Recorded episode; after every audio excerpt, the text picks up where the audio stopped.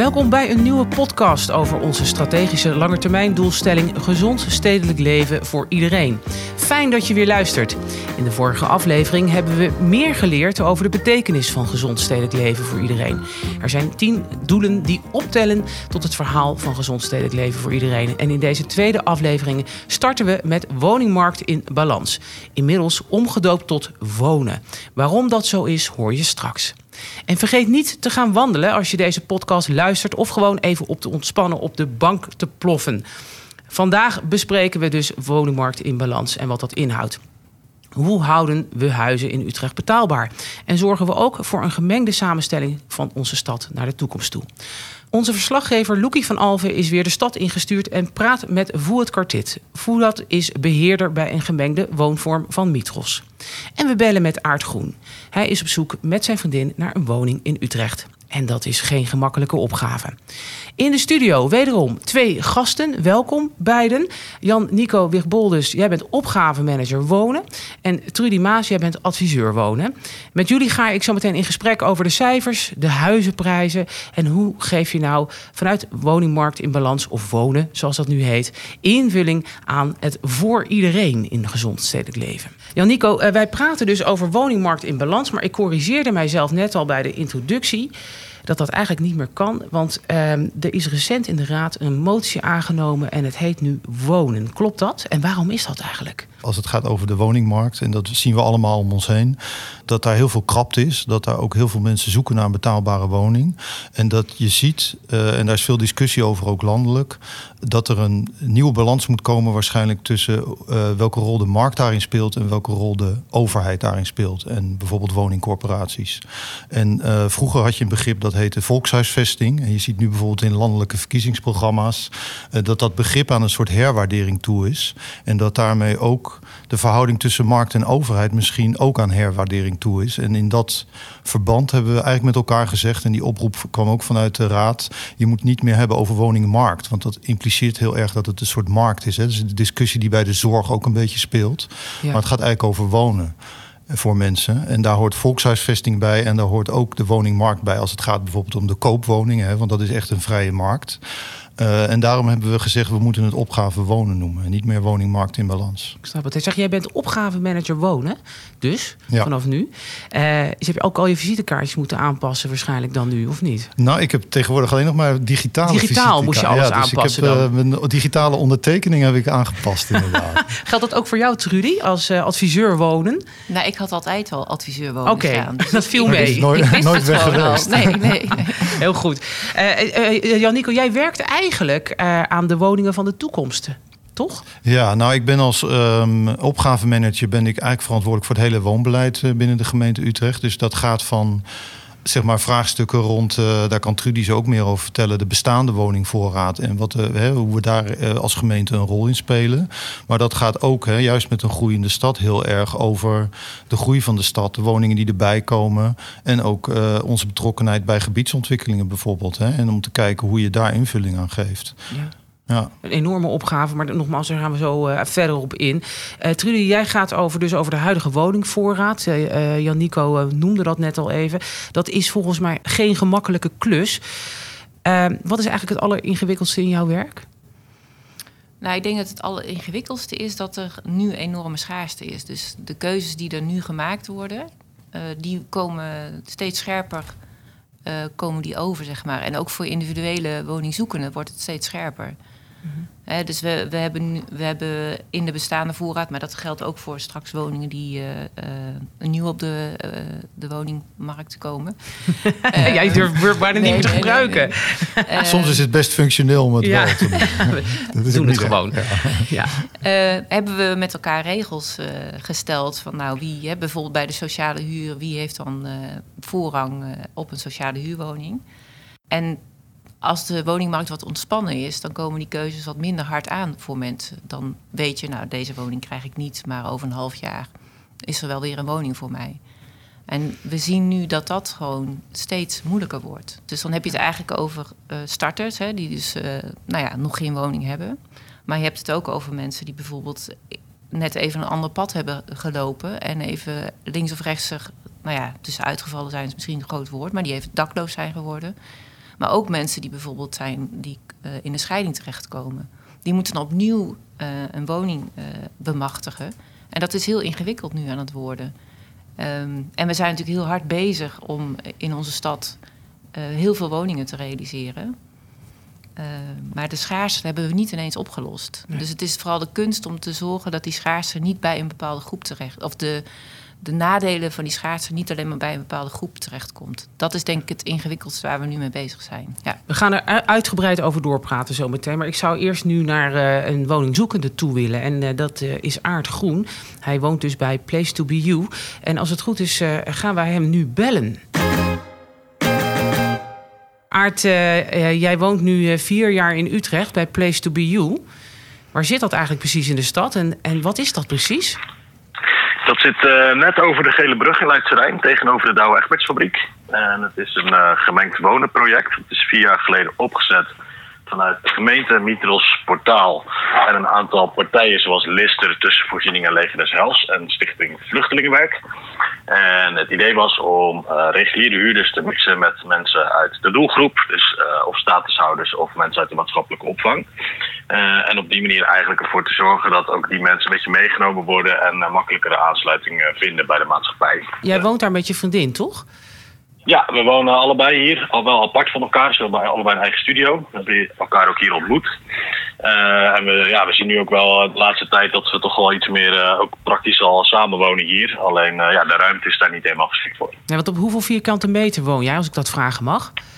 20. Ja, dat is wat krap met z'n tweeën. Ja. Jullie zijn natuurlijk ja, heel verliefd, hè, denk ik. Want hoe lang zijn jullie bij elkaar? uh, drie jaar. Nee dan, ja, nee, dan wordt het wat krap, denk ik zo. ja, Iets dan, hebben. Dan, dan, beginnen de eerste irritaties ook al een beetje te ontstaan. Ja, nou, ja, nee, het is echt één ruimte. Dus uh, het is gewoon een kamer met uh, ja, het slaapwonen gedeeld in één. Met een klein badkamertje erbij en een klein keukentje. Dus jij wil graag gaan samenwonen met je, met je vriendin nu ergens in Utrecht. hoe gaat dat, dat zoeken naar een huis? Dat valt tegen. We, hebben, uh, we komen allebei oorspronkelijk niet uit Utrecht. Dus dat betekent dat we ook hier nog niet heel lang zijn ingeschreven. Uh, en uh, ja, dan ben je aange... in principe kom je uit dan op de lotingwoningen. Mm -hmm. uh, maar dat biedt weinig perspectief. Want we zijn af en toe bij woningen waar we op ons inschrijven op plek 2400. dus ja, dan zie je wel een beetje hoeveel mensen er op zoek zijn naar een woning. En ja, hoeveel reacties er komen op één, op één sociale huurwoning. Jullie kunnen niet met z'n tweeën iets kopen? Want is, is dat geen optie? Ja, goede vraag. Dat is ook iets waar we naar kijken. Ze zijn natuurlijk ook wel in de, in de vrije sector zijn we op zoek. Maar waar we daar heel erg tegen aanlopen is de inkomenseis vaak. Uh, we werken allebei in de horeca, dus we hebben veel te maken met uh, flexcontracten en niet altijd uh, hetzelfde inkomen. Um, en ja, dan merk je gewoon dat ook die kant lastig wordt. het vervelende daaraan wel is, is dat we, ja, we, we, betalen nu allebei 600 euro in de maand. Dus als je dat bij elkaar legt, zouden we prima daarvoor kunnen huren. Alleen ja, vaak heb je dan weer eisen dat je dan bijvoorbeeld 5, 5,5 keer de huur moet verdienen op papier. Waarbij het tweede inkomen ook niet volledig mag uh, meegerekend worden. Uh, dus eigenlijk vallen we ja, voor ons gevoel een beetje ertussenin. Net tussen wal en schip eigenlijk. Ja, tussen wal en schip. Ja. Um, Aart, uh, is het misschien ook nog een moment... Hè, dit is natuurlijk interne radio, hè, deze podcast die we maken... voor de ambtenaren van de gemeente Utrecht. Maar goed, dat zijn ook best wel veel collega's hier uh, die hier werken. Zou je nog een oproepje willen doen voor een woning? Dat, je weet maar nooit, hè? Misschien is er iemand die zegt... wat een leuke man, ik ga hem en zijn vriendin gewoon helpen. Dus uh, ga je ja, ja, mocht er, Aard. Mocht er iemand uh, nog een mooi uh, zomerverblijf met jacuzzi beschikbaar ja, hebben, dan heel graag. nee, we zijn, we zijn helemaal niet zo eisend. Kijk, we wonen nu ook klein. kijk, waar we eigenlijk naar op zoek zijn is gewoon een appartementje met een woon- en een slaapkamer. zodat we niet helemaal meer dat studentenkamergevoel hebben, waar we gewoon met z'n tweeën een tijdje kunnen wonen. Um, en ja, op het moment dat wij zouden verhuizen en gaan samenwonen, komen er weer twee sociale huurwoningen vrij. Dus uh, dat uh, heeft volgens mij uh, voor iedereen winst. Mooi. dus mocht er iemand zijn die iets weet, ons budget is ongeveer rond de 1000 euro in de maand. en nou ja, op het moment dat we iets van 40, 45, 50 vierkante meter hebben met z'n tweeën, dan zijn we daar hartstikke gelukkig mee. Dus mocht iemand wat weten, heel graag. Nou, ik heb zijn nummer, uh, collega's. Dus uh, als er iemand is die zegt, nou, ik, ik heb nog wel een idee... dan kunnen jullie bij mij melden. En zoals jullie weten ben ik vindbaar in deze organisatie... onder andere op internet, op de Wie is Wie, om maar wat te noemen. nou, hartstikke goed. Dankjewel, Aart. ook voor je verhaal. En ik wens jou en je vriendin natuurlijk echt toe dat jullie snel uh, een mooi plekje samen vinden hier in deze prachtige stad. En ik uh, ga ook jouw aanbod hier neerleggen. Dus wellicht uh, ga jij heel snel in gesprek met mijn collega's. Ja, nou, ik, hoor het, ik hoor het graag. Voor nu in ieder geval graag gedaan. En jullie ook bedankt voor jullie tijd. En nou, hopelijk tot, tot snel. Oké, okay, dag Aart. Dankjewel. Uh, Trudy, uh, ik zag jou uh, net al driftig meeschrijven met het verhaal van Aard. Wat, wat, wat, ja, ook veel herkenning heb ik het idee. Ik vond het zelf opmerkelijk dat hij ongeveer 1000 euro te besteden heeft samen met zijn vriendin. Dat is toch geen, dat is geen kattenpis, zeg ik maar zeggen, om dat per maand uit te geven aan een woning. En toch maakt het het, is het voor hem heel lastig om wat te vinden. Heeft dat te maken met die regels waar hij net ook over sprak? Um, ja, of kan wat... je dat niet zo zeggen? Ja, ik denk wat hij aangaf is dat zeg maar, als je op de vrije markt uh, huurt, hè, dus niet bij een corporatie, dat er vaak uh, uh, verhuurders dan een, een, bepaald minimum aan inkomen vragen. Ja. Uh, en hij noemde vijf, vijf en half. Hè. nou, daar kan ik me echt ook wel bij voorstellen dat dat inderdaad ook klopt. Wij hebben ook een actieplan middenhuur. en daarin proberen we met ontwikkelaars afspraken te maken over woning in het middensegment, waar ook echt huurprijzen gekoppeld zijn aan het oppervlakte. Dus daar betaal je maximaal 1000 euro. En daar hebben we ook afspraken gemaakt over, en dan moet ik altijd heel goed nadenken hoe ik het moet zeggen, maar de, maximale minimale inkomensgrens. En die staat dan uh, in het actieplan middenhuur op vier maanden ma maandinkomen. Dus dat is lager dan wat hij dan noemde. Dus wie weet is dat voor hem ook nog wel een optie dat hij in dat middensegment ook uh, terecht kan. En dat actieplan is van 2017. Uh, en we zien nu echt wel dat daar gewoon nieuwe woningen op de markt uh, aan het komen zijn. Dus dat zou ook nog een optie voor hem kunnen zijn. Ja, want hij had nog twee punten. Hij had een aanbod gedaan. Hè? Dus ja, zou je het leuk vinden om met hem in gesprek te gaan? Nou, dat, dat hebben we dat heel leuk vinden. Ja, zeker. binnen. Uh, dus, dus misschien is dit dan ook uh, mooi om met hem te bespreken. En ook zeker uh, te horen wat hij nog meer nou ja, ziet en observeert. Want voor mij is een hele betrokken inwoner ook van onze stad op dit, op dit onderwerp. En het andere was dat hij ook een, een suggestie deed. Een vraag eigenlijk stelde of dat überhaupt zou kunnen. Hè? Van waarom moet ik nou elke keer als ik verhuis mezelf opnieuw inschrijven... en onderaan de lijst weer bungelen? kan dat niet landelijk? Daar is vast over nagedacht al. Ja, Heb je daar een antwoord op? Nou, begrijpelijk punt. Want hij is al wel eerder gewoon her en der eens een keer opgeplopt. Maar wat je wel ziet is dat uh, toch elke regio gewoon ook zijn eigen uh, uh, regels maakt over woonruimtetoedeling. En dat mag ook hè, volgens de wet. En je ziet dat daar ook andere systemen op ontwikkeld worden. Hè. Wij hebben nu echt inschrijftijd, maar Amsterdam gaat bijvoorbeeld naar een ander systeem over. Dus ik begrijp zijn vraag wel, hè, want het is eigenlijk heel vervelend. Uh, want je hebt dan in Nijmegen al ingeschreven staan en dan moet je hier weer opnieuw. Maar het is toch, toch één die we echt ook met elkaar ook regionaal afspreken. En dan hebben wij het hier nog echt met 16 gemeenten afgesproken. Dus als je hier inschrijft, dan kun je zowel in Utrecht als in wijkbeduursteden zeg maar, een woning vinden.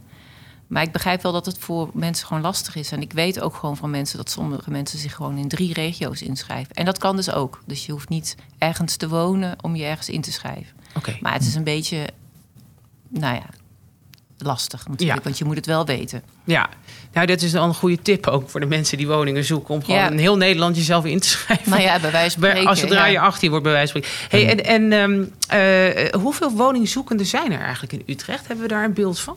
Eh, op woningnet kun je natuurlijk inschrijven. En dat doen mensen natuurlijk uh, gewoon. Uh, nou ja, als je 18 bent, hè, dus dan gaan mensen zich inschrijven. Maar wij maken wel onderscheid tussen mensen die op die lijst staan en actief woningzoekenden. En dat zijn eigenlijk woningzoekenden die de afgelopen jaar, jaar of half jaar echt een aantal keren gewoon wel gereageerd hebben op een woning. En dat zijn 44.000 mensen die dat doen in de regio Utrecht. Ja. Ik kan nog iets aan toevoegen op dit cijfer. Dat heb ik laatst van uh, makelaar gehoord die dat onderzocht in Utrecht. Dat, uh, ik geloof dat er op Funda nu kleine duizend woningen in Utrecht te koop zijn. Gewoon in totaal. Dat is al niet heel veel. En er zijn volgens mij 30 tot 40.000 actief woningzoekenden op Funda actief in Utrecht. Dus even om het beeld te geven. Oh, jee, jongens. Ja. Dus ja, we hebben een taart te verdelen in deze stad als het gaat om woonruimte. Die is bijzonder krap, hebben we net uh, al gehoord. Ja. Hè? We schetsen net even ook in cijfers hoe dat er ongeveer uitziet. En dat betekent dus dat je de hele dag bezig moet zijn uh, met keuzes maken. En, en eh, er zijn, en wij, wij, wij maken ook keuzes. Hè? Wij maken, begreep ik, ook echt specifiek keuzes voor bepaalde gro- doelgroepen. om die ook in de stad te vestigen. Hè? Zou je Ja. daar wat over kunnen vertellen, Trudy? Ja, wat we, het is inderdaad het is heel lastig, want je hebt gewoon dat stukje taart. En dat proberen we natuurlijk de komende tijd groter te maken. Maar nou goed, die verdeling die moet je wel maken. Nou, wat, we, wat we bijvoorbeeld, want die verdeling of die toewijzing van de sociale huurwoning met name... ehm, eh, daar hebben we ook groepen van gezegd, nou die krijgen voorrang. En dat zijn eh, eh, zeg maar bepaalde beroepsgroepen. Dus dat zijn mensen die bij de politie of de zorg of onderwijs werken. Zodat we ook zorgen dat die sectoren ook gewoon voldoende menskracht hebben om inderdaad ook les te kunnen geven of in de zorg te kunnen werken. Dus dat hebben we geregeld. En er zitten ook andere voorrangsregels in die eigenlijk met name bedoeld zijn om de doorstroming op gang te brengen.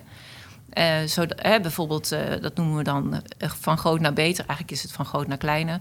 Hè, dat mensen die dus zeg maar vooral, nou, het beste voorbeeld is denk ik ouderen, die dan op een gegeven moment hun kinderen zijn het huis uit en wonen dan toch in die, in die woning van vier of vijf kamers. Die uiteindelijk dan naar een kleiner appartement willen verhuizen. En die geven we daar dan ook op voorrang op, zodat die woning ook eerder leeg komt en dat er een gezin weer eerder die woning kan. ja. En zo proberen we die, die voorraad eigenlijk ook zo, ja, klinkt een beetje oncharmant, maar wel beter te benutten. Zodat eh, we ervoor zorgen dat er toch zoveel mogelijk mensen passend kunnen wonen. En nou is het allerergste dat dit ook nog wel even gaat duren. Hè? Want ehm, ik begreep dat bij het aantreden van dit college in 2018... er zogenaamde 400, eh, zo- eh, 400 IDOC's, zogenaamde IDOC's zijn vastgesteld. Dat zijn eigenlijk bouwplannen. 41% daarvan is gericht op sociaal. 30% op middensegment of koophuur. En daarvan weer 24% op middenhuur. Eh, en dat zijn gigantische aantallen eigenlijk. We doen het beter dan, het, eh, dan de bedoeling was, zal ik maar zeggen. Wat we ooit eh, vastgelegd hebben, wat we wilden doen toen we startten met dit college. En toch schijnt die woningmarkt is een soort olietanker. Eh, dat kost gewoon vijf tot tien jaar voordat de- deze plannen, deze IDOC's, gerealiseerd worden. En Aard wellicht dan ook zijn plek kan vinden in deze stad. Hm. Ehm, dat is iets waar jij je ook heel erg mee bezighoudt, hè, eh, Janneke, om te zorgen dat, dit, eh, dat we dit voor elkaar krijgen met elkaar. Maar dan vraag ik mij ook af. Fantastisch dat we natuurlijk naar de toekomst toe zoveel eh, woningen krijgen die veel meer passen bij wat de woningbehoefte in deze stad is. Maar hoe heeft het nou zover kunnen komen? Ja, dat is een hele goede vraag. Nou, een van de factoren die daar wel een rol in speelt, is dat, dan ga ik even terug, dat is eigenlijk de woningcrisis of de hypotheekcrisis die ergens 2008 ontstond omdat eh, destijds, en dat was in Utrecht zo, maar dat gold in, eigenlijk in heel Nederland. Je zag dat eh, omdat de huizenmarkt eh, instortte, er voor een deel ook heel erg nou ja, vertraagd is in het maken van plannen om woningen te realiseren. Dat zag je in de eh, vrije sector en koopwoningmarkt, maar dat zag je ook. Dat zag je in Leidse Rijn bijvoorbeeld ook, maar dat zag je ook in de huursector en sociale sector. En ik doe dit werk nu ook als eh, ongeveer twee jaar. Dat ik toen ook hoorde dat zo rond 2016, 17 de productie van woningen in de stad eigenlijk weer volop op stoom was ten opzichte van de klap die de vorige crisis heeft gegeven. Dus een van de eh, lessen die we daar wel ook uit getrokken hebben voor de komende periode is. Eh, dat wat er ook gebeurt. Hè, we hebben nu natuurlijk de coronacrisis en dat kan leiden tot een economische crisis. Of dat is al voor een deel in een aantal sectoren zo en er komt misschien nog meer aan. Dat wat er ook gebeurt, je moet blijven investeren in die planvorming om door te gaan. Zodat we niet straks weer een inhaalslag moeten maken van de, de, de afgelopen periode. Dus dat is. eh, Het, het, eigenlijk het De- feit dat het destijds voor gekozen is om te vertragen, dat is wat je nu terugziet in, in de huidige woningmarkt. Die en waar we cycli dus van- spelen daar een rol in, ja. ja. Ja. En wat, wat natuurlijk ook een belang, maar daar zie je ook, daar, is ook, daar zijn ook golfbewegingen in. Mhm. Eh daar kom ik een beetje terug op het begin van het gesprek toen ik het had over volkshuisvesting. Dat je ook ziet dat natuurlijk eh, door allerlei eh, eh, beleid, ook van de Rijksoverheid bijvoorbeeld, en daar is toen ook vanuit die crisis bewust voor gekozen, eh, de markt een grotere rol heeft gekregen. En tegelijkertijd eh, de corporaties op een aantal terreinen heel erg zijn teruggeworpen op hun echte kerntaak. En daarmee ook veel meer beperkt ruimte hadden om te investeren in het realiseren van nieuwe woningen. Als je ziet ook in Utrecht, hè, dat, uh, ik heb de cijfers nu niet helemaal paraat, maar wat er aan sociale huurwoningen de afgelopen vijf, zes jaar terug, hè, als ik even terugkijk, is opgeleverd. Dat zijn dat tientallen tot honderden per jaar. Terwijl als je kijkt, nu hebben wij in kaart gebracht, dat zei je net ook met die aantallen naar de behoeften voor de komende periode. Dan moeten we eigenlijk tot 2040 ongeveer duizend sociale huurwoningen per jaar realiseren in de stad. Als je kijkt naar maar waarom doen die corporaties dat dan niet gewoon? Want ik, ik lees altijd in de krant, uh, dit is natuurlijk een, een, beperkt blikveld, maar toch, ik lees in de krant dat zij echt ontzettend veel geld hebben. En zij zien de grote behoeften. Of, of is het Waarom, waarom, gebeurt dat dan niet? Nou, mijn beeld is niet dat de corporaties heel veel geld hebben. De corporaties hebben. Uh, het scheelt ook wel per corporatie. Maar um, dat noemen ze met een uh, duur. Kijk, Trudy ook even aan. Volgens mij het investeringscapaciteit van corporaties. maar daar spelen eigenlijk, uh, zonder te technisch te worden, maar daar spelen drie factoren een rol in. De eerste is dat uh, je wil dat corporaties de huren niet te veel laten stijgen per jaar. Dus je wil voor de zittende huurders wil je een uh, nou ja, beheerste huurstijging. Daar maken we ook afspraken met ze over uh, via de prestatieafspraken. Als ze meer zouden vragen, dan zouden ze meer investeringscapaciteit hebben om nieuwe woningen te realiseren. Hè? Dus dat is één. De tweede is wat er aan zit te komen, is natuurlijk zowel voor de nieuwbouw, de ambities die we hebben, als vooral voor de ook de bestaande corporatievoorraad. Want één op de, nou niet ja, ik geloof de 30.000 woningen in de stad zijn van corporaties in Utrecht. Dat daar een enorme verduurzamingsslag nodig is. Hè? Dus die kost geld. Dat is de tweede. In het kader van uh, de klimaatambities. Uh, en de derde is dan dat ze investeringskracht moeten hebben voor het realiseren van nieuwbouwwoningen. Nou, die drie opgeteld, die maken dat, hè, wat jij zegt, als je kijkt naar corporaties dat het misschien op papier zo lijkt dat er enorm veel geld beschikbaar is. Maar die moeten ze investeren de komende 20, 30 jaar uh, in die drie opgaves.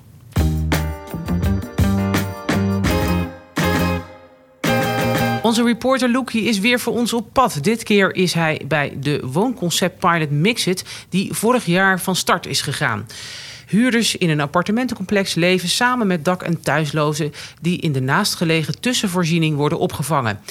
En voor de collega's die niet bekend zijn met de tussenvoorziening, die biedt onder andere opvang, begeleid wonen en schuldhulpverlening aan mensen die dakloos zijn, zijn geweest of dreigen te worden.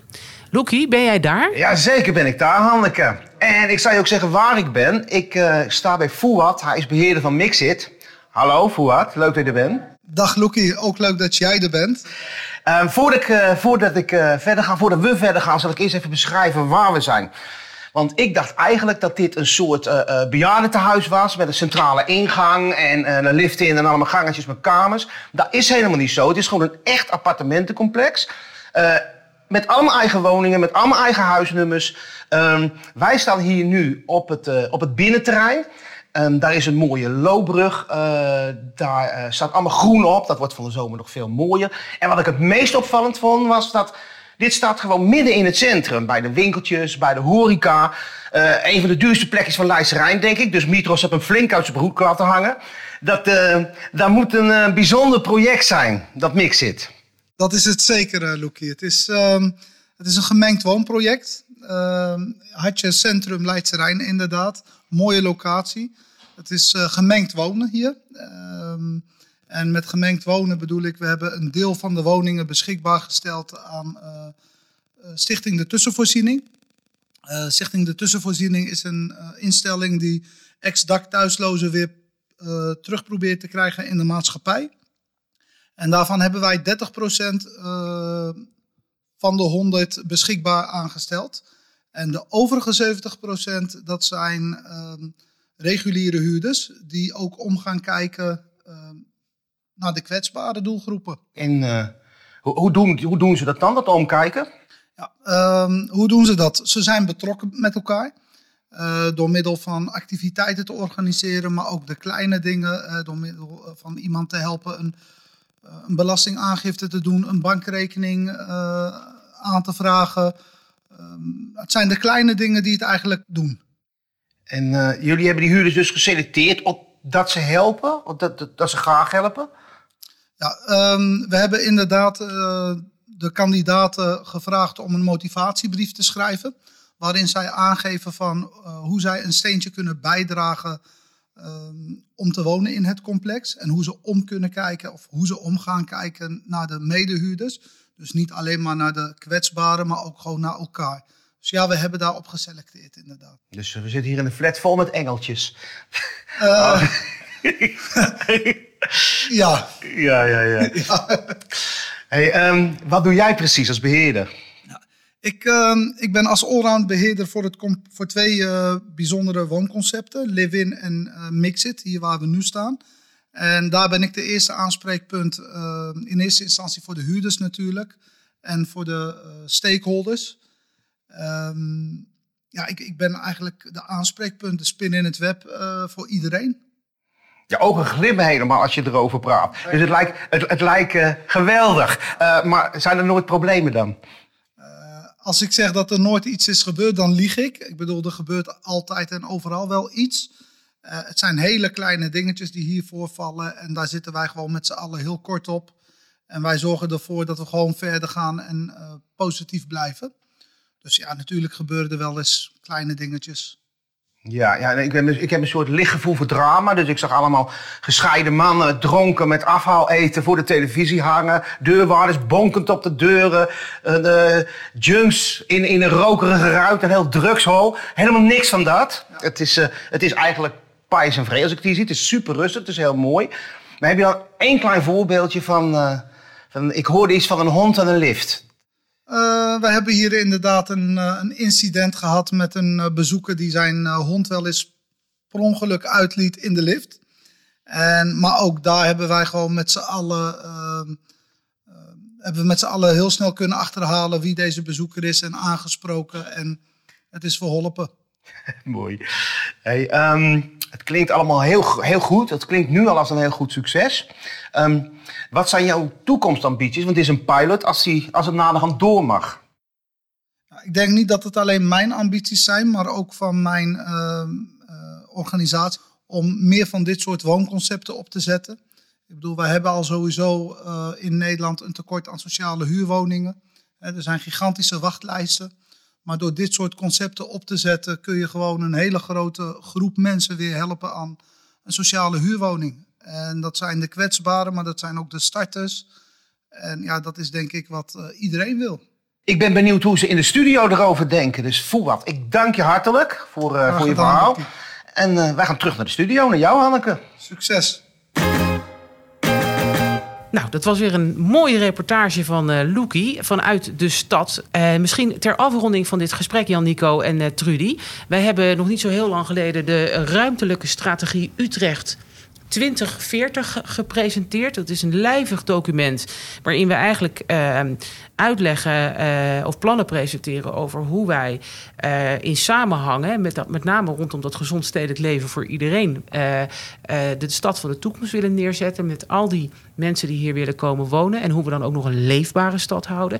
Is dat ook het antwoord eigenlijk op, op de stad voor iedereen in de toekomst? Nou, ik denk dat het vooral belangrijk is dat je gewoon, en dat zit ook in de, in de RSU, dat je gewoon eh, verschillende type woningen realiseert. Ehm, eh, dat kan in het, het segment zitten van betaalbaarheid, dus sociale huur of middenhuur of in de vrije sector. Maar ook in eh, nou, wat voor type woningen, appartementen of grondgebonden eengezinswoningen. En ik denk dat de RSU daar gewoon wel een mooi, eh, een mooi beeld voor schetst. Eh, ook rekening houdt met de verschillen die je hebt in de stad van wijken. Hè? Want dat vinden mensen ook prettig. Dat ze hun eigen buurt blijven herkennen. En dat je daar ook goed op aansluit. En wat ik heel mooi vind van de RSU is gewoon dat barcode-idee. Dat we dus niet alleen maar denken, nou we moeten eh, stenen stapelen en dan komen we er wel. Nee, je bent met elkaar een stad aan het maken. En dat is denk ik ook wel de balans die wij moeten zoeken. Dat het niet alleen maar gaat om productie, maar echt ook iets moois neer te zetten in deze stad. En barcode, even voor de mensen Oh ja. die dat nog niet gehoord hebben, die term. Hè, dat, het gaat er eigenlijk om dat we naast het bouwen van woningen ook kijken wat betekent dat dan voor het toevoegen van groen Ja. eh, eh, eh, open, hè, in de openbare ruimte. Wat hebben we nodig aan zwembaden? Wat hebben we nodig aan schoolvoorzieningen? Ja. Wat moeten er voor sportvelden dan bij? Want ja, mensen kunnen niet alleen in een appartement wonen, mensen moeten ook voorzieningen om zich heen hebben. Ja, en en daar hebben we een, een hele Ja. mooie barcode voor ontwikkeld. Ja, voor mensen die het nog niet gezien hebben, eh, de RSU, ga naar de website eh, of op internet en zoek hem even op. Er is een mooie samenvatting. Dat is wat sneller le- te lezen. Maar het is echt een interessant verhaal over de stad van de toekomst. Heb- Janico, ik zie dat jij nog even wil reageren. Dus ik geef jou toch ja, nog even toevoegen eigenlijk. Ja, het is misschien wel een hartekreet van mijn kant. Want ik vind, wat ik interessant vind, want ik vind de RSU een hartstikke mooi document. En het is ook, het is echt wel lezenswaardig. Er zit een heel mooi eh, hoofdstuk in ook over de geschiedenis van Utrecht. Dat raad ik iedereen aan. Maar wat je ziet is dat de discussie over de, naar aanleiding van de RSU ook weer heel snel gaat over lange termijn keuzes over waar gaan we straks nog weer bouwen hè, in de periode na 2035, zeg ik maar.